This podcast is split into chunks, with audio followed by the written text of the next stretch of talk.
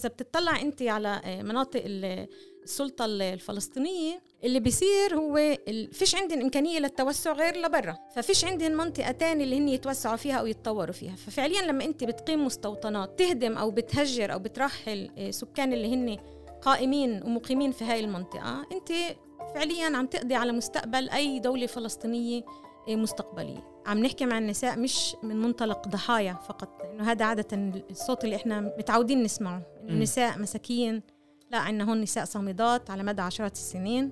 نساء اللي هن شركات في بناء المجتمع في مسافر يطا نساء اللي هن فاعلات مبادرات بالذات بما يتعلق بدورهن في بناء مدارس الاهتمام بتعليم أطفالهن إنه ما يكونوا سلبيات ويقعدوا يستنوا هن ياخذوا زمام المبادرة. بالوقت اللي السلطات الإسرائيلية بتحكي كتير عن تعزيز النساء وتمكين النساء والتعليم وحق في التعليم وحق يعني أنا خليني أقول إنه أكثر حدا بيدفع ثمن يعني عدم وجود مدارس أو ملاحقة م. الطلاب وعدم قدرتنا على الوصول للمدارس هو الفتيات لأنه عادة أكيد يعني الأهل رح يخافوا على البنت تعمل هذا الطريق تحيات للجميع في كمان حلقة من بودكاست الميدان أنا عبد أبو شحادة عبر موقع عرب 48 قبل نبلش زي دايما ما تنسوش تتابعونا على جميع تطبيقات البودكاست Spotify Apple Google أنغامي رح تلاقونا هناك. وكمان مداخلة على السريع هاي الحلقة تسجلت يوم قبل الأحداث اللي كانت في قرية حوارة في ضواحي مدينة نابلس. واللي تابع العناوين أكيد سمع عن الأحداث الأخيرة. مستوطنين يهود إرهابيين هجموا على القرية اعتدوا على أهل القرية حرقوا سيارات حرقوا بيوت. إحنا ما اضطرقنا على إيش صار بحوار عشان سجلنا يوم قبل الأحداث نفسها.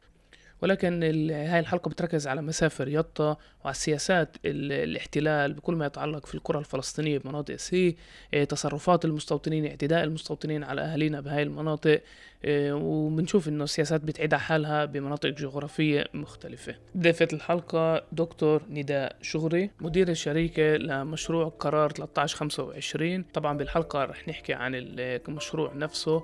ولكن رح نركز على ورقة موقف اللي كتبتها المحامية ريهام نصرة عن النساء في مسافر يطا. وبشكل عام على المعاناة اللي أهلينا بمرقوا هناك كمان من المستوطنين وكمان من الجيش تحت رعاية الحكومات الإسرائيلية المختلفة. يعطيك العافية عزيزتي. يعطيك العافية شكرا على الاستضافة. هي أول مرة بالبودكاست؟ أول مرة. أول بودكاست. آه بس تأمل مش آخر مرة. إن شاء الله. وبدنا نحكي اليوم عن الورقة. اللي طلعتوها عن مسافر يطا. بس قبل ما نبلش نحكي عن مسافر يطا بدي نحكي شوي عن منطقة C. طيب خلينا أول نبدأ نحكي عن منطقة C اللي هي تقريبا فيها 60% من أراضي الضفة الغربية. عم نحكي على القليلة تقريبا ما يقارب 200 ألف فلسطيني. ومناطق C بس هيك نرجع شوي بالذاكرة كان مفروض تكون منطقة اللي هي بإدارة مدنية. مدنية عسكرية فعليا اللي هي تابعة لإسرائيل هي الإدارة المدنية هي المسؤولة عنها. يعني هي المسؤولة إنها تعطي مسؤولة عن تطويرها مسؤولة إنها تعطي رخص بناء مسؤولة إنها توصل القرى والمدن بالبنى التحتية بالكهرباء بالماء هاي فعليا كان الهدف منها أن يكون في الإدارة المدنية هي المسؤولة عن منطقة سي. ويكون إشي مؤقت إنه يتم بعدين نقل الصلاحيات للسلطة الوطنية الفلسطينية. هاي بفترة أوسلو هاي بعد أوسلو okay؟ يعني المرحلة الأولى من أوسلو المرحلة الثانية كانت مفروض تمرق للسلطة بالضبط. فالتقسيم A B C بناء على هيك ومنطقة C فعليا تابعة للإدارة المدنية. الإدارة المدنية مع إنها جسم اللي هو مستقل فعليا بس هي إدارة اللي هي تابعة للجيش الإسرائيلي. اللي بيصير على مدى عشرات السنين على أرض الواقع إنه الإدارة ما عم بت لا عم بتطور لا عم تعطي تصاريح بالبناء لا عم بتفوت مي لا عم بتفوت كهرباء. ما في ولا أي إمكانية للسكان في الضفة الغربية هناك اللي بالنسبة لهم هاي المناطق هي الامتداد الطبيعي من ناحية سكانية ومن ناحية تطور ما في عندهم ولا أي إمكانية إن يتطوروا. مش بس هيك يعني هن كمان بالإضافة عم بيهدموا الإشي الموجود يعني ما عم بيسمحوا في البناء والتطوير وكمان عم بيلاحقوا الناس اللي هي عم بتحاول إنه طبيعي تبني سواء مساكن سواء مدارس. ففي ملاحقات هناك دائما. من جهة أخرى إسرائيل اللي عم تعمله والاحتلال إنه هو عم بيعطي زي تقول اليد العليا تكون للمستوطنين. ففي تشجيع للاستيطان في مناطق سي مع إنه ممنوع حسب المواثيق الدولية. إيه، وفي ملاحقات للفلسطينية كمان ومضايقات من قبل المستوطنين. نحكي على مضايقات اللي ممكن توصل لمراحل يعني كتير عنيفة وحتى قتل وشغلات تانية مثل السيطرة على مناطق إيه، مراعي إيه، سيطرة على بيوت مضايقات كلامية أو عنف جسدي وكلامي.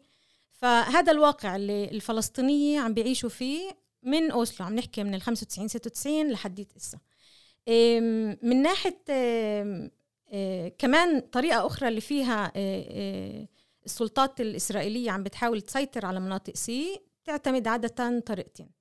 يا إما تقول إنه هاي منطقة إطلاق نار منطقة عسكرية مغلقة يا إما تقول إنه هاي أراضي دولة فأنت ما عندك الحق إنك أنت آه، تبني فيها. وبهاي الطريقة تم الاستيلاء تقريبا على 70% من أراضي منطقة C. لحظة قبل ما نكملي إيه، يعني ممكن اليوم نرسم إيه، خارطة للسياسات وراء قرارات الاحتلال. ليش هاي القرية بدهم يسيطروا عليها ومش هاي القرية؟ يعني في يعني يعني ولا يعني الإشي بيصير بشكل عشوائي؟ لا للأسف ما في شيء بيصير بشكل عشوائي. في تخطيط وتخطيط طويل الامد إحنا عم نحكي تحديدا على منطقة مسافر يطا اللي فيها أكثر من آه، آه، فيها تجمعات سكانية لاكثر من 1000 آه، 1400 بني آدم. اللي بيتوزعوا تقريبا من 12 ل 14 مجمع سكني أو أو قرية.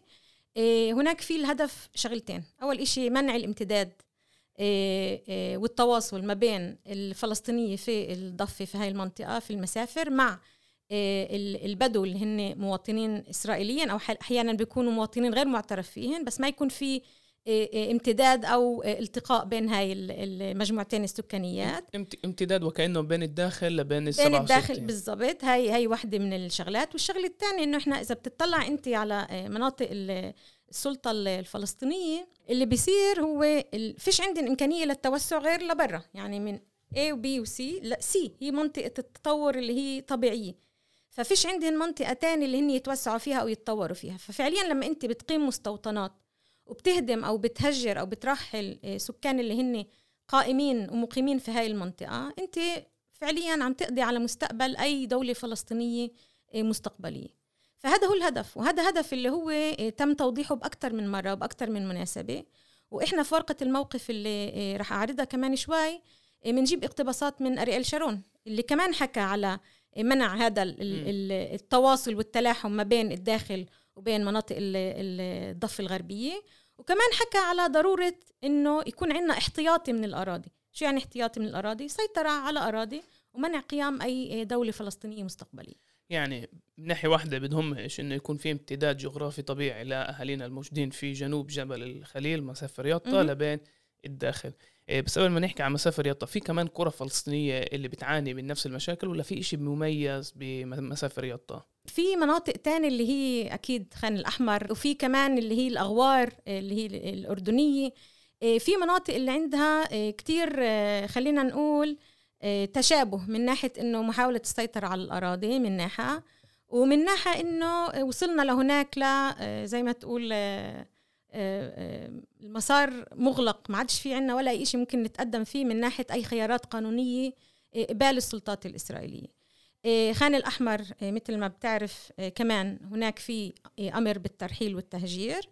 وكمان حاليا من أكتوبر 2022 كمان وصلنا لطريق مسدود مع المحاكم الإسرائيلية. لما محكمة العدل العليا أقرت أنه الترحيل هو ترحيل مشروع إيه، وقالت إنه الادعاء إنه هذا الإشي بخالف اتفاقية جنيفا إنه هون في عنا ترحيل قسري للسكان اللي هو يعتبر جريمة حرب. إيه، هذا الادعاء غير ساري وإنه يمكن كان في هون زي سبق معين إنه قالوا إنه القانون الإسرائيلي هو يطغى على القانون الدولي. إيه، فهذا التشابه يعني يمكن السياسات متشابهة بس المناطق عم تختلف. هيك ملاحظة على الهامش لكل اللي بسمع إيه، على الاحتجاج ضد الثورة الدستورية اللي بقودها اليمين الاستيطاني في الداخل. إيه، هاي ضد المحكمة العليا. هي نفس المحكمة العليا اللي سمحت وهي وكأنه بتشرعن هدم المنازل وترحيل آلاف من البني آدمين تطبيق الأجندة اليمين في مناطق ال 67 وفعليا أحد القضاة اللي كان آه، يعني خيوط. أيوه. آه، إيه لا مش إستر خيوط كان آه، خليني أتذكر الاسم. بس هو هو بنفسه مستوطن. okay؟ وهو اللي قال إنه لأ هون القانون ال- الدولي ما لهش محل. يعني ولما استأنفوا ل... لما استأنفوا آه إستر حيوت قالت إنه ما فيش هون آه، إشي جديد اللي إحنا بدنا آه، نطلع عليه أو نبت فيه آه، فخلص ال- ال- الاشي ساري. ضل بس إنه الم- الحكومة تقرر وين بدها تقوم بعملية الترحيل. مم. إيه زي ما بلشت أحكي من كانت من أصعب أوراق اللي كنت لازم أقراها. عشان كتير مرات بنسمع على الهدم وبنسمع على الترحيل بس بنعرفش القصص. وبالذات قصص النساء. اللي إيش إيش بتمرق. وهيك إشي على الهامش انحكى وأنا استغربت فيه إنه جزء كثير من أهالينا المو- العايشين في مسافة رياضة بيعيشوا بمغو إيه بهذا الشأن في شغلتين أنا حابة أحكيهن أو يمكن حتى ثلاثة.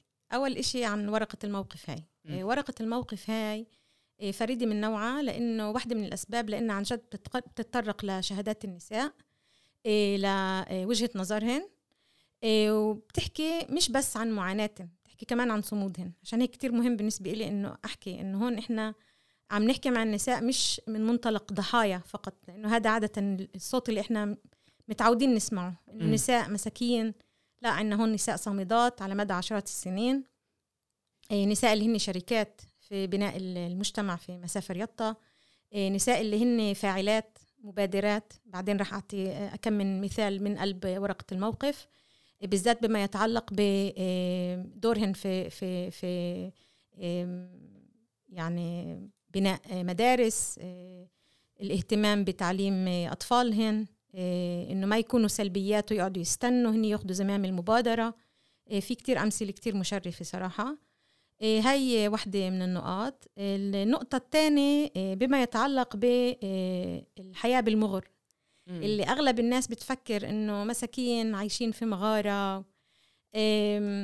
هون في نقطتين. في القضية إنه مزبوط زي ما أنا قلت الإدارة المدنية اللي هي إدارة عسكرية فعليا ما عم تعطي وما عم توفر ولا أي نوع من أنواع الخدمات أو البنى التحتية أو المي أو خدمات صحية ما إلى ذلك. إيه بس الإشي الثاني اللي بدنا نفهمه إنه كمان هذا أسلوب حياة اللي كيف للي رح يقرأ ورقة الموقف رح يشوف إنه هذا أسلوب حياة اللي النساء هن مش بس فخورات فيه اللي هن مش مستعدات إنه يتنازلوا عنه مم. بالنسبة لهم هاي الكهف اللي يمكن لمعظمنا آه، هي يعني بيت اللي لا يعتبر حتى بيت كأنه الشخص مدفون بالحياة يعني بالنسبة لهم كانوا يحكوا عنه بمفهوم إنه هذا قصري هذا مملكتي مم. مم. مم. تمام. إيه، بس الإشي اللي عن جد هو جائر وظالم إنه ما في خدمات. يعني أنا ممكن أكون عايشة في قلب كهف ويكون عندي خدمات متوفرة خدمات صحية مي كهرباء. وأنا أختار إنه هذا أسلوب حياتي. أنا بدي أعيش بهاي الأسلوب. بس هون مجرد إنه هن ما عندهن إمكانية. وحتى في ال- ال- المرات اللي طالبوا إنه يكون عندهن أسلوب معيشي أو إنه يبنوا بيت اللي هو فوق الأرض زي مثلا أنت ذكرت على آه، كيف الشخص ممكن أبسط آه، الحقوق بالنسبة له آه، الشهيد هارون أبو عرام اللي يعني هذا قصته كانت كتير مأساوية قبل تصوب قبل قبل سنتين. وهو يدافع يحاول إنه يخلص مولد كهرباء اللي اجى الجيش يصادره تمام؟ يعني هن عايشين في كهف. هارون بهداك الوقت كان مخطوب. كان خاطب يعني على وشك الزواج. وكان عندهم مولد كهرباء يعني اللي أي حدا بقول لك طب يعني أبسط ما فيها إنه أعطوا الناس الحق إنه يكون عندها كهرباء بدكوش توصلوها على القليل اعطوهن ال- الإمكانية إنه هن يكون عندهن. اجى الجيش يصادره هو تمسك فيه. إيه تم إطلاق النار عليه من مسافة صفر على رقبته. إيه على إثر ذلك إيه أصيب بالشلل التام. إيه وعانى سنتين لحد ما توفى الشهر الماضي. إيه خلال هاي الفترة غير إنه أصلا ما كانش في محاسبة وكمان منعوا بعد ما أطلق النار عليه منعوا إنه يتم إخلاؤه لمستشفى يعني قصة كتير صعبة. اللي أخذت على عاتقها مهمة إنها تدير بالها عليه هي أمه وأخته. وهذا كمان إشي إحنا جايبينه في ورقة الموقف. إيه وبشي مرحلة العيلة طلبت إنه يبنوا بيت لحتى يقدروا يعالجوا شخص اللي هو يعاني من شلل كلي إيه بطريقة أكتر إنسانية. وهذا الطلب كمان قبل بالرفض. فالإشكالية هون إنك أنت حتى أبسط حقوقك كإنسان إيه، أبسط مقومات الحياة. حتى لما في الحديث عن الناس اللي هي مرضى إيه، النساء اللي هن حوامل إيه، أطفال صغار هذا الإشي ما عم بيشفع لهم لحتى يحصلوا على حقوق الإنسانية أبسط حقوقهم. عزيزتي بالورقة بتذكروا إنه التحديات لأهلنا مصرف رياضة بتبلش بالثمانين لما بيقرروا الجيش بيقرر إنه هاي منطقة عسكرية مغلقة ببلشوا يحاولوا يرحلوا الناس من من بيوتها. وبفهم إنه إلهم أربعين سنة عايشين تحت هاي الحالة. ولما قريت الورقة في شغلتين إنه من ناحية واحدة في الجيش بس من ناحية تانية في كمان المستوطنين. هل في تنسيق ما بين المستوطنين في هاي المناطق لبين الجيش؟ على كيف بدهم يصعبوا على حياة البني آدمين؟ ولا الأشياء بتصير بشكل عشوائي؟ هقول لك آه، إحنا من على القليل الشهادات والأشياء اللي سمعناها في الجولات الميدانية اللي عملناها. بعرفش إذا في تنسيق اللي هو رسمي بين الجيش وبين المستوطنين بس على القليله الإشي الأكيد إنه ما في محاسبة للمستوطنين. والسبب لهذا هو إشكالية قانونية إنك أنت عندك مواطن إسرائيلي موجود في قلب أرض محتلة أوكي أرض تحت الاحتلال أنت عندك الآلية كيف تتعامل مع الفلسطيني؟ بس ما عندك آلية كجيش كيف تتعامل مع الإسرائيلي الموجود في هاي المنطقة. فعشان هيك هن يعني ما في ما في محاسبة. يعني هن بيقدروا إن يعملوا اللي بدهم إياه غير هيك أكيد في إشارات ل ل ل ل بعرفش إذا تعاون بس على القليل غض نظر هذا أكيد موجود. إيه، إنك أنت المعتدى عليه هو يصير المذنب وتنقلب الآية. ف والشغلة الثانية إنه يعني بس مؤخرا خلال الأسبوع الأخير إيه، شفنا إنه مثلا المستوطنين عم بينزلوا بقطعان ماشي ويرعوا الأراضي المرعى اللي هي تابعة لقرى مسافر يطا بمرافقة الجيش هل الجيش هناك لحماية المستوطنين كأنه م. يعني ولا هو محاولة لمنع الفلسطينية إن هن يقاوموا يعني هذا كمان إشي اللي صعب إنه هل في في بالنهاية الموجود على أرض الواقع إنه المستوطنين عندهم سلطة مطلقة في هاي المناطق. إيه، المضايقات اللي اللي بنحكيها مش بس يعني مش بس عم نحكي على مضايقات زي ما أنا قلت اللي هي اعتداء لفظي واعتداء جسدي وإلى آخره واستيلاء على مناطق آه، اللي هي مصادر المياه. يعني إحنا عم نحكي مسافر يطا هي منطقة اللي سكانها بيعتمدوا على رعاية الماشيه وعلى الزراعة okay؟ إيه فاعتمادا الكلي هو على مصادر المياه اللي ابار جوفيه اللي موجودة. فلما الدولة والاحتلال يسيطر على هاي الأبار يسمح للمستوطنين إن هن كمان يسيطروا عليها كمان يبنوا مستوطنات يا إما بجنبها أو إما بينهن وبين يعني يعلن يعني يعلنوا عن هاي المنطقة كأنها منطقة إطلاق نار okay؟ فمسكرة أنا ما بقدر أوصل إلها. م. بالتالي كيف أنا بدي أرعى ماشيتي كيف بدي أنا نفسي أستعمل المياه؟ معظم المياه اللي بتوصلهن حاليا هي مياه اللي هن بيشتروها. بيشتروها بأسمان كتير آه، باهظة. يعني المي كتير غالي. ومع هيك ما بيسلموا. حتى لما بتيجي الكونتينرات المي بيتم آه، تدميرها آه، يعني آه، آه، مصادرتها وإلى آخره. بس في كمان إشي اللي له علاقة في الخصوصية. يعني بالإضافة لمراقبة الجيش الدائمي لسكان مسافر يطا لحتى يمنعوا أي نوع من أنواع التوسع أو البناء إلى اخره هي على القليل الحجي يعني. م. كمان هذا الإشي بقوموا فيه المستوطنين ففي عندك طيارات مسيرة طول الوقت. تخيل أنت 24 ساعة صبح أو ليل في عندك حدا بيراقبك مصورك بالصوت وبالصورة. يعني يعني هذا السؤال بما إنها يعني حتى تحت القانون الإسرائيلي منطقة عسكرية مغلقة. يعني حتى للمستوطنين ممنوع لهم بناء على القانون يفوتوا على هاي المناطق. وهلا أنت بتقولي إنه مش بس إنه مسموح لهم بعطوهم كمان الأريحية إيه، يتوسعوا يطيروا طيارات الدرونز إيه، يراقبوا الناس إيه، يعني بناء على هاي التصرفات. يعني يعني بقول لك ليش بسأل هذا السؤال؟ يعني بتخيل إنه الجيش مش عارف كيف يرحل الناس في تحديات ولكن ما حدش بيسأل إذا المستوطنين هم من اللي بضايقوا ما حدش بيسأل إذا المستوطنين وتعرفوا دائما بيرموا الملف وكأنه هدول المتطرفين بس هيك بس يعني هي مش من إنه هدول المتطرفين هدول المتطرفين اللي بقوموا بهاي الأفعال عشان إيه، يريحوا الجيش أو يريحوا سياسات الدولة كمان مرة يعني أنا بالذات إذا بدي أحكي على أشياء مثبتة الإشي آه. الوحيد المثبت بالنسبة إلي هو العلاقة ما بين استخدام الحجة آه، آه، حجة إنه هاي منطقة إطلاق آه، نار أو منطقة عسكرية مغلقة آه، استخدامها كحجة لمصادرة الأراضي وتهجير الناس. هاي الإشي المثبت بالنسبة لي. باقي ما باقي هذا إشي مش مش مثبت حاليا يمكن يكون تم إثباته بعدين. بس الإشي ال- اللي إحنا شايفينه على أرض الواقع إنه في مضايقات مستمرة للمستوطنين في سيطرة آه، على الأراضي سيطرة على مصادر المياه زي ما قلت لك في مراقبة آه، آه، مستمرة من ال- المستوطنين على سكان مسافر يطا عن طريق الطيران ال- الطائرات المسيرة آه، تسجيل صوت وصورة آه، في عنا دايما ملاحقات للأطفال اللي بتحاول توصل لمدارسها إنه بيعترضوا طريقهن بيضربوهن إيه، لحديت ما بشي مرحلة من المراحل يعني تم إرفاق إيه، إيه، صار في مرافقة للجيش للأطفال. تخيل أنت كل يوم الصبح بدك تروح على المدرسة بدك تستنى جيب الجيش يوصل وتروح معاه تمشي. لا وكتير مرات يعني مش إنه مش إنه بيركبوهن بالسيارة. ضلوا ماشيين ورا أو هدوك بيمشوا وراهن فاهم علي؟ مم. فيعني هاي ليه؟ لإنه تم الاعتداء على الأطفال أكثر من مرة وصار في قرار من هال هال هال هالزي. إيه المضايقات كمان إنه يعني تخريب مثلا ال- ال- الحقول والمزروعات. في عندنا في قلب مسافر بقلب ورقة الموقف في عندك إيه، صورة اللي بتظهر إنه كيف عم بيتم إيه، إفراغ محتويات إيه، إيه، المخلفات تاعت البقر في أراضي اللي هي زراعية. تمام؟ عن طريق مستوطنين. يعني فكل إشي أو مثلا تخريب آبار هدم آبار هدم مغر هجوم على هاي على ال- على النساء على النساء والأطفال والسكان اللي هن آمنين في قلب بيوتهم. يعني هن ما بيسلموا.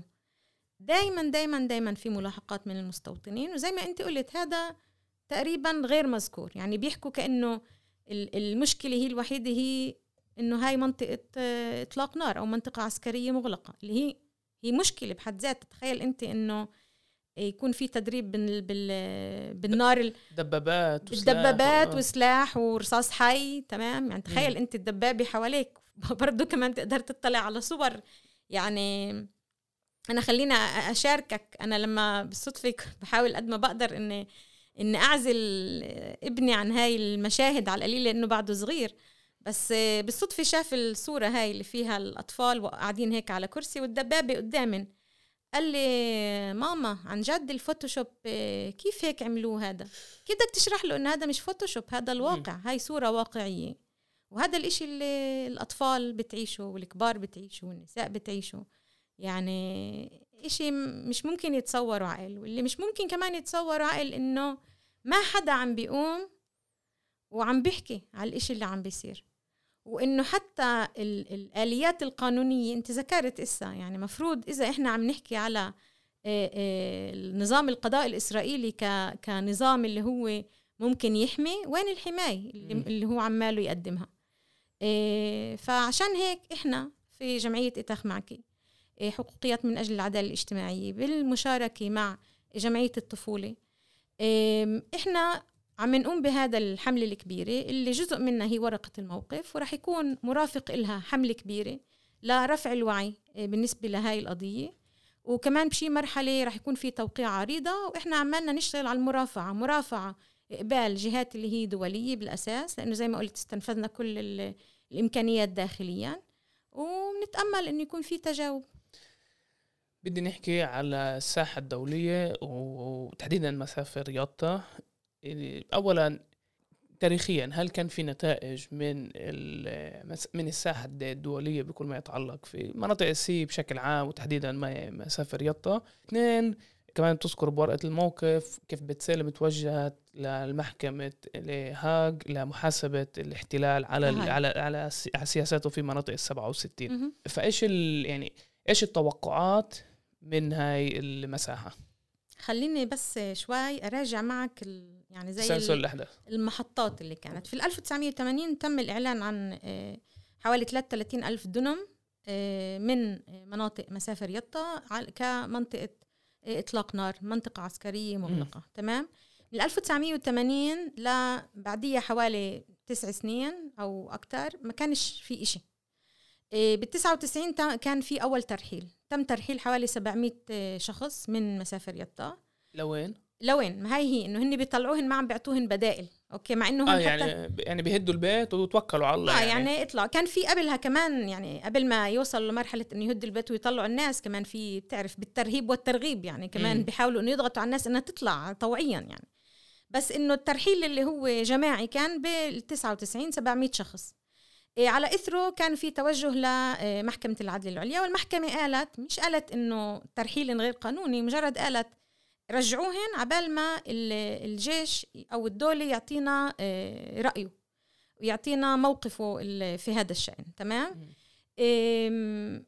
ال- بس سؤال تفضل. الإدارة المدنية هي اللي بترحل ولا الجيش؟ لا الجيش هو الأداة المنفذة okay تمام okay. ال ال الإدارة المدنية هي مفروض مسؤولة عن إعطاء كل التراخيص وإدارة الحياة المدنية لسكان منطقة C. أنا تفضل. كمان دور يعني برأيي هي تفاصيل مهمة. الإدارة المدنية تابعة لوزير الامن. تمام؟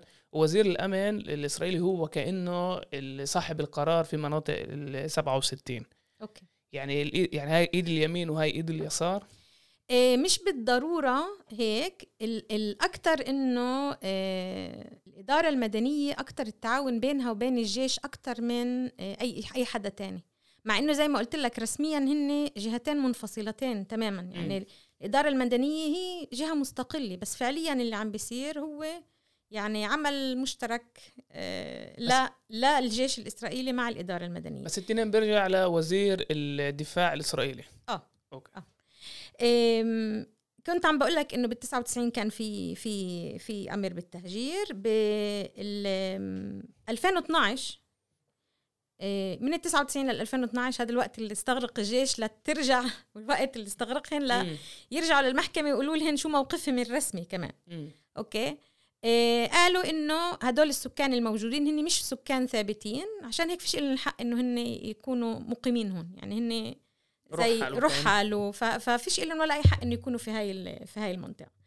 إيه هذا في ال 2012 بال 2013 كان في كمان التماس لمنع الترحيل. وكمان مرة يعني هي كمان إحبال المحكمة المحاكم الإسرائيلية كمان كتير يعني طويلة. إيه بال 2000 من ال 2013 صار في عندك إيه القرار اتخذ بال 2022 في مايو 2022 تمام؟ مم. ففي 2022 المحكمة رفضت أوكي إيه إيه التماس ال- الأهل إيه وقالت إنه ال- الترحيل قانوني. كان في كمان التماس اللي هو رفض. وعلى إثره إيه هون السؤال ليش بتسالم توجهت للمدعي العام في محكمة الجنايات في لاهاي الدولية. عادة المتبع أو هذا نوع من أنواع الإدعاءات اللي هي الإسرائيلية إيه بوجه أي توجه أو أي آه، آه، دعوة اللي بتنرفع أو ممكن تنرفع بجهات أو محاكم دولية إنه آه، في عنا نظام قضائي في إسرائيل اللي هو نظام قضائي كيف بيقولوا functional إنه هو يعني فعال وبنقدر نعتمد عليه. ف وعلى الأغلب دائما كان آه، الجهات القضائية ال- ال- الدولية والجهات الدولية بتقول لك okay طالما في محاسبة داخلية طالما في نظام قضائي نظام محاسبة في في داخل إسرائيل اذا يعني إحنا أقل بنتدخل. هون آه، بتسيلم قالت okay إحنا هون است... إس... كا- تم استيفاء كل الوسائل القانونية في داخل إسرائيل بطل في عنا ولا أي إمكانية والمحكمة قالت إنه لا. اذا اسا حاليا؟ إحنا بدنا نطلب منك كمدعي عام إنك أنت تضغط على إسرائيل لوقف هذا الترحيل. لأي مدى آه، هذا الإشي ممكن ينجح؟ يعني كمان إحنا نعرف إنه آه، كل المحاكم وكل الجهات الدولية بت- بتعمل ضمن ميزان قوى وعالمي. يعني قبل فترة كتير قصيرة كان مفروض يكون في نقاش في مجلس الأمن. عن اللي عم بيصير واستهداف ال- الفلسطينيين في الضفة وغزة. وشفنا كيف آه، هذا النقاش بدل ما يكون في بدل ما يتم النقاش تم إيقافه وطلع طلعت رئاسة مجلس الأمن بموقف. ف وبنعرف إنه كان تم الضغط كتير على على السلطة الوطنية السلطة الفلسطينية إيه، لمنع اللجوء لمجلس الأمن ومنع التداول بهذا الأمر. لأنه هذا الإشي رح يكون له عواقب آه، يعني سياسية وسياسيه دولية وإقليمية آه، كبيرة. آه، لأي مدى إحنا بنعول على هذا الإشي؟ إنه ننجح نتأمل. بس صراحة للأسف يعني يعني إحنا بنعمل الماكسيموم اللي بنقدر عليه بس مش كتير عنا آمال إنه رح رح ننجح. بالذات بالمحافل الدولية. بس بدي بدي نروح من ال macro لل micro ونحكي عن الحياة اليومية في مسافر يطا. تحديدا إيش النساء بتمرق بهذا الواقع؟ اللي فيش أمان ولا على البيت ومن ناحية تانية كمان فيش أمان بالحيز العام بسبب المستوطنين وبسبب الاعتداء من الجيش. فمن ورقة الموقف إيش وين وين التحدي كان؟ طب خليني أول أقول لك كيف إحنا بلشنا نشتغل على ورقة الموقف. هاي وزي ما قلت هذا آه، مشروع أكبر حملة أكبر آه، اللي إحنا بنعملها في الجمعية بإتاخ معكي مع آه، مؤسسة الطفولة. إحنا عم نحاول ان نستعين بالأداة يمكن الوحيدة اللي بعدها متاحة بالنسبة لنا اللي هو قرار مجلس الأمن 1325 هذا قرار اللي بيدعي لإشراك النساء في كل ما يتعلق بقضايا الأمن والسلام. شو يعني؟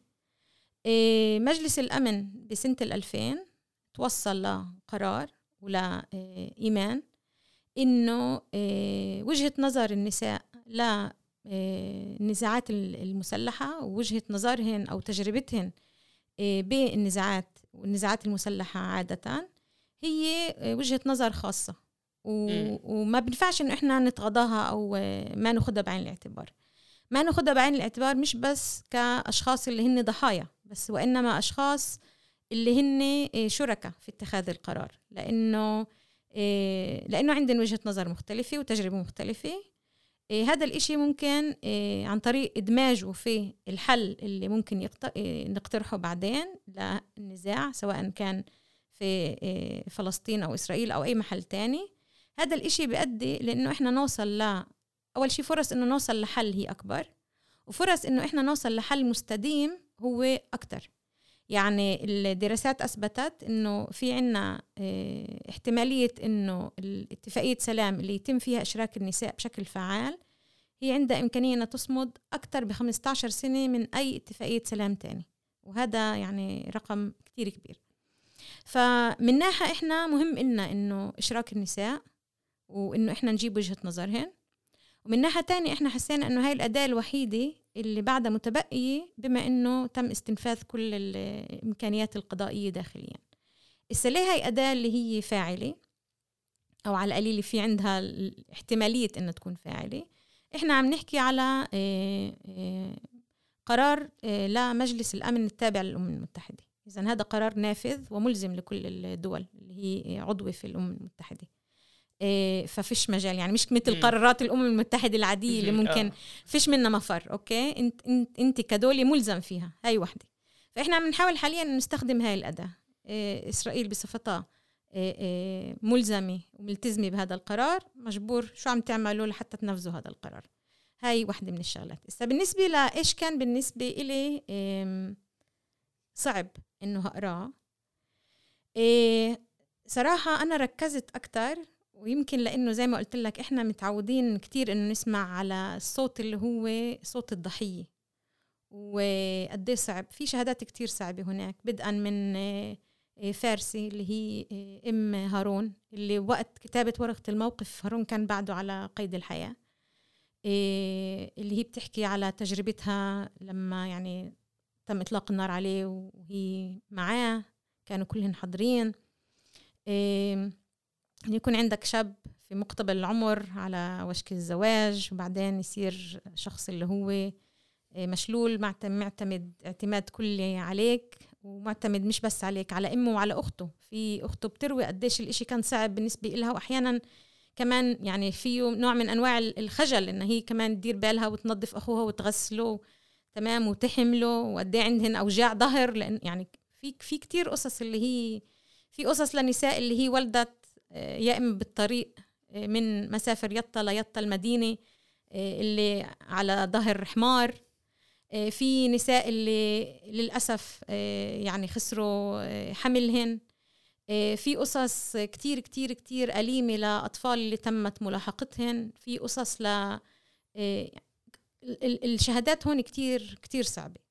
بس أنا بالنسبة إلي صراحة اللي كان اللي كان عن جد مؤثر هو قوة النساء وصمودهن. وهذا إشي أنا ما بفاجئني يعني. إحنا بنقول يعني جبل المحامل وهن عن جد عم بيكون جبل المحامل. ودور المرأة وإصرارها على إنه على الرغم من كل الظروف الصعبة. يعني في عنا شهادات لنساء اللي أطفالها كبروا وتخرجوا من الجامعات. تخيل يعني. م. مع كل المشاكل. يعني من إنه فيش عندك ضوء كهرباء لتدرس عليه من إنه كلياتكم عايشين كلهن عايشين في أوضة واحدة في قلب مغارة. إنه فيش مدارس بدك تمشي أحيانا حوالي سبعة كيلو متر لحتى توصل. إيه، ومع هيك في قصص نجاح رائعة وفي قصص صمود رائعة. إيه، القصة اللي قصة بناء المدارس مثلا. اللي مع الأسف تم تم هدمها. بس قصة بناء المدارس إنه النساء قالت أنا بدي اولادي يعني بدي يروحوا على المدرسة وأنا مطمنة مش بدي في قصة كتير صعبة لأم اللي كانت تستنى اولادها على التله لحتى يرجعوا. وابوهن كان يلحقهن لحتى يتأكد إنه وصلوا على المدرسة وما حدا تعرض لهن تمام؟ فقال لك لا إحنا بدنا نعمل إشي. فصاروا يبنوا المدرسة. قالوا إنه كانوا يشتغلوا ليل نهار ليل نهار وإيد بإيد مع الرجال. إيه فهون مش ما كانوش سلبيات بالعكس. يعني أخذوا زمام المبادرة وبنوا المدرسة. كيف بيقولوا بطلوع الروح وبموق العين. وبالآخر للأسف شهر 11 تم هدم واحدة من المدارس والمدرسة الثانية تم تسليمها أمر هدم. إيه ففي قصص اللي هي قصص صمود فظيعة. يعني إيه اللي أظن إنه لازم كمان يعني نسلط الضوء عليها ونركز عليها. واو. إيه أول شيء عزيزتي أعطيكي مئة ألف عافية. الله يعافيك. وأنا كنت بحاجة أسمع هاي الجملة. إنه لما عشان لما قريت ورقة الموقف يعني يعني قلت يلا من وين بتيجي هالعطالة إنه تشوفوا أولاد رايحين على المدرسة يعني لو يعني ناس بنختلف معها سياسيا. إيش السبب إنه تعتدوا على أولاد صغار؟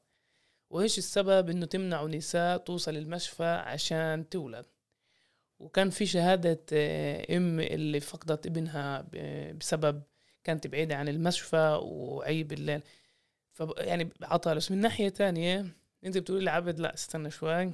مع كل الظروف اللي بمروها في عندك ناس ونساء منضلات اللي مستعدات يدفع الثمن بسبب آه، موقفهم بسبب آه، علاقتهم مع الأرض والمنطقة. وبخلي الواحد كمان زي يخجل إنه في هالقد كتير أشياء متوفرة إلنا وإحنا بنستغلهاش واخدينها زي مفهوم ضمن مزبوط. إيه إيه أنا معلش في نقطة واحدة بس ما تطرقت لها اللي هي كتير مهمة. يعني بالوقت اللي السلطات الإسرائيلية بتحكي كتير عن تعزيز النساء وتمكين النساء والتعليم وحق في التعليم وحق يعني أنا خليني أقول إنه أكتر حدا بيدفع ثمن إيه، يعني عدم وجود مدارس أو ملاحقة م. الطلاب وعدم قدرتنا على الوصول للمدارس هو الفتيات لأنه عادة أكيد يعني الأهل راح يخافوا على البنت تعمل هذا الطريق بدنش تتعرض للمستوطنين لملاحقاتهن آه، بخافوا عليها من السفر الطويل. فعادة اللي بيدفع الثمن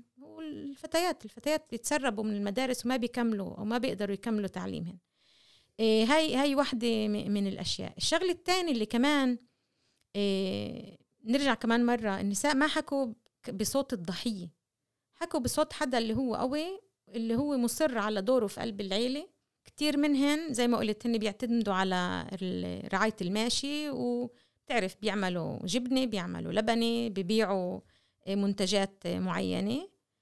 فهن عم بيقولوا أوكي أنتوا بدكم ترحلونا. طيب؟ أنا عندي دوري وعندي مركزي في قلب هاي العيلة. أنا بساعد في إيه، يعني كمان عندي مصدر رزق. بحاول إني أنا أساعد عيلتي. أنا بدي يكون لي دور فعال في قلب العيلة. أكون امرأة عاملة امرأة نشطة امرأة فاعلة. أنت بتقول بتقولوا لي أوكي روحي احملي حالك وروحي دبري حالك في أي مدينة. فكتير قالوا لنا طب أنا شو بدي أعمل في المدينة؟ أنا برعى ماشي تمام؟ أنا بعمل جبنة ولبني. إيه، أنا أنا بزرع. شو بدي أروح أعمل في المدينة؟ اذا أنتم عم تحكموا علي إنه أنا أسير امرأة عاطلة معتمده اعتماد كلي على الرجل أو على السلطات مع إنه هناك كمان ما في خدمات رفاه اجتماعي وما إلى ذلك. تمام؟ اذا كمان مرة هون في صوت كتير قوي للنساء اللي عم بتقول إحنا مصممين وعم نحارب على دورنا كأمهات اللي من حقنا إنه نحمي أطفالنا وأولادنا. إيه النساء اللي البيت بالنسبة إلهن هو مملكي حتى لو إنه كان بس إيه إيه كهف اللي كتير بفكروا إنه يعني إشي غير ادمي إنه الناس تعيش فيه. هذا مملكتي وأنا عم بدي أدافع عليها لآخر رمق. وكمان على حقي إني أنا أكون امرأة منتجة. أنا ما بدي أكون عاطلة ما بدي أكون معتمدة على غيري ومتكلة على غيري. مجبور أسألك سؤال كنت أسأل من قبل ونسيت. عايشين بالمغر وبالكهف بسبب إنه بخافوا يهدموا لهم البيت إذا عمروا بيت يعني بلوك عادي ولا طريقة حياة اللي لا هي طريقة حياة اللي بالأساس يعني كان التطور الطبيعي لما هن انتقلوا من مناطق اللي هي أكثر مدنية لحياة البادية تمام؟ فهن سكنوا الكهوف حفروا كهوف وسكنوا فيها. شي مرحلة لاحقا جزء منهن بنى بنى دور اللي هي فوق الأرض. بس جزء منهن كتير معتز بحياته في داخل الكهف. هاي جزء من الثقافة. هاي جزء من آه. ثقافتهن اللي من حقهن يعني هذا حقهن. كل واحد له الحق إنه يعيش حياته بالشكل اللي هو بده إياه. يلبس كيف بده يعيش كيف بده يأكل كيف بده. طالما هن ما عم بيأذوا غيرهن أوكي؟ م. يعني هن الحياة الكهف بالنسبة إلهن. للمعظم هي اختيار. ولجزء منهن زي ما أنا قلت لك اللي طالبوا الإدارة المدنية بإعطائهن تصاريح بناء ورفضت فبطل الخيار صار إجبار. هذا هذا المكان الوحيد اللي بالنسبة لنا مش إنه أسهل من ناحية لا لأنه كمان المغر آه، بتم هدمها وتم هدمها وسد أكثر من بسدوها مجرد يعني بحطوا بجيبوا وبيسدوا بعدش في إمكانية إنه يفوتوا. وإحنا شفنا كيف بتم هدم المغر. بس بيرجعوا كمان من أول وجديد يحاولوا يبنوها ويحفروها من أول أحيانا حفر المغاره بيستغرق سنتين. تمام؟ يعني فلا جزء منهن هن بيختاروا هذا أسلوب الحياة وجزء تاني إنه مكره. هاي الإشي المتاح بالنسبة له ملاحظة أخيرة وسؤال أخير. أول شيء بفكر إنه جميل إنه في ناس لسه بتناضل مش بس كمان عشان قضية وطنية بينما كمان عشان تحافظ على نوع حياة معين ومش يعني إذا بدهاش تتمدن حقها تناضل إنه بدهاش تتمدن. إذا تعيش ب... إذا حابة تعيش بالكهف حقها تكمل آه، ثقافتها إنه تعيش بالكهف. بس السؤال الأخير كمان كجمعية وكمان كمشروع 13 25 إيش الهدف من الورقة؟ لوين بدكم إياها توصل؟ عشان كمان المستمعين يعرفوا إذا يعني كيف هم يستخدم كيف كيف يتصرفوا مع الورقة ويمكن حدا يسمع ويقدر يساعدنا ممتاز. هذا سؤال بالضبط هذا سؤال ممتاز لأنه هذا إحنا عم نحاول إنه نستخدم هاي المنصه المنصة ومشكور على الاستضافة كمان مرة إنك استضفتنا. إيه بس الهدف إنه إحنا بقى عم نشتغل على أكثر من صعيد إيه أول شيء أو نقطة المنطلق كان كتابه وإعداد ورقة الموقف هاي بهاي الفرصة بحب عن جد أشكر المحامية رهام نصرة اللي عملت عمل رائع كمان من ناحية المقابلات اللي قدرت تعملها مع النساء. آه، يعني إحنا عم نحكي على منطقة آه، إطلاق نار. هي كمان خاطرت بنفسها ولحتى قدرت توصل لهناك وتحصل هاي الشهادات اللي هي شهادات عن جد قاسي وصعبة. وعلى مدى يعني عم نحكي على شغل أشهر طويلة. إيه وبعدين كتبت ورقة موقف اللي هي عن جد كتير قوية. ألف تحية لريهام. كمان أنا بحب كتابات نادرة شوالهوف دكتورة نادرة شوالهوف من الجامعة العبرية. إيه كمان الورقة فيها كمان فيها إشارة مزبوط فيها يعني جانب نظري م-م. وفيها كمان جانب عملي. أكيد. فألف تحية لريهام. كمان مرة بدي أذكر إحنا عم نعمل حملة اللي هي مشتركة جمعية إتاخ معك حقوقيات من أجل العدالة الاجتماعية بالتعاون مع مؤسسة طفولة حضانات الناصري ونبيلة اسبانيولي. عم نعمل حملة حول مسافر يطا. عم نحاول نستغل الأداة اللي هي 1325 قرار مجلس الأمن 1325 اللي إحنا بنعتقد إنه هو نافذ وملزم لدولة إسرائيل.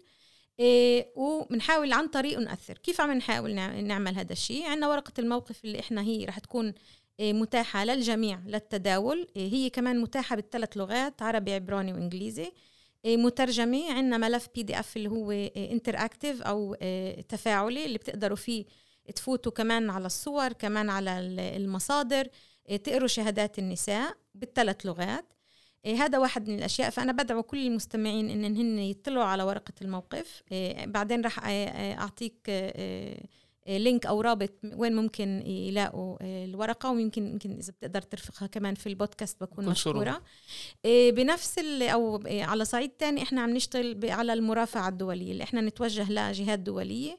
سواء اتحاد أوروبي سواء سفارات اللي موجودة في قلب إسرائيل سواء جهات دولية للضغط على الحكومة الإسرائيلية لمنع الترحيل القسري. إيه هذا كمان إشي اللي إحنا عم نشتغل عليه. كمان إيه قريبا جدا رح تطلع نبدأ إيه حملة اللي هي رح يكون فيها فيديوهات قصيرة تعريف بالقضية في مسافر يطا. وبالنهاية رح يكون بالإضافة رح يكون عندنا في عريضة اللي هي متاحة للجميع للتوقيع بهدف كمان إنه نظهر إنه في اتحاد حول هاي القضية إنه في إجماع شعبي مش بس داخلي داخلي وعالمي إنه هذا الترحيل هو ترحيل غير قانوني ترحيل غير شرعي ولازم أكيد يتوقف. دكتورة نداء يعطيك مئة ألف عافية. يعطيك ألف عافية. شكرا كتير كتير لك شكرا. شكرا لكم وهي كانت كمان حلقة من بودكاست الميدان. تنسوش تتابعونا على جميع تطبيقات البودكاست. رح يكون في بتعريف الحلقة رابط كمان للورقة وكمان للعريضة للعريضة. شكرا لك. شكرا لك. شكرا.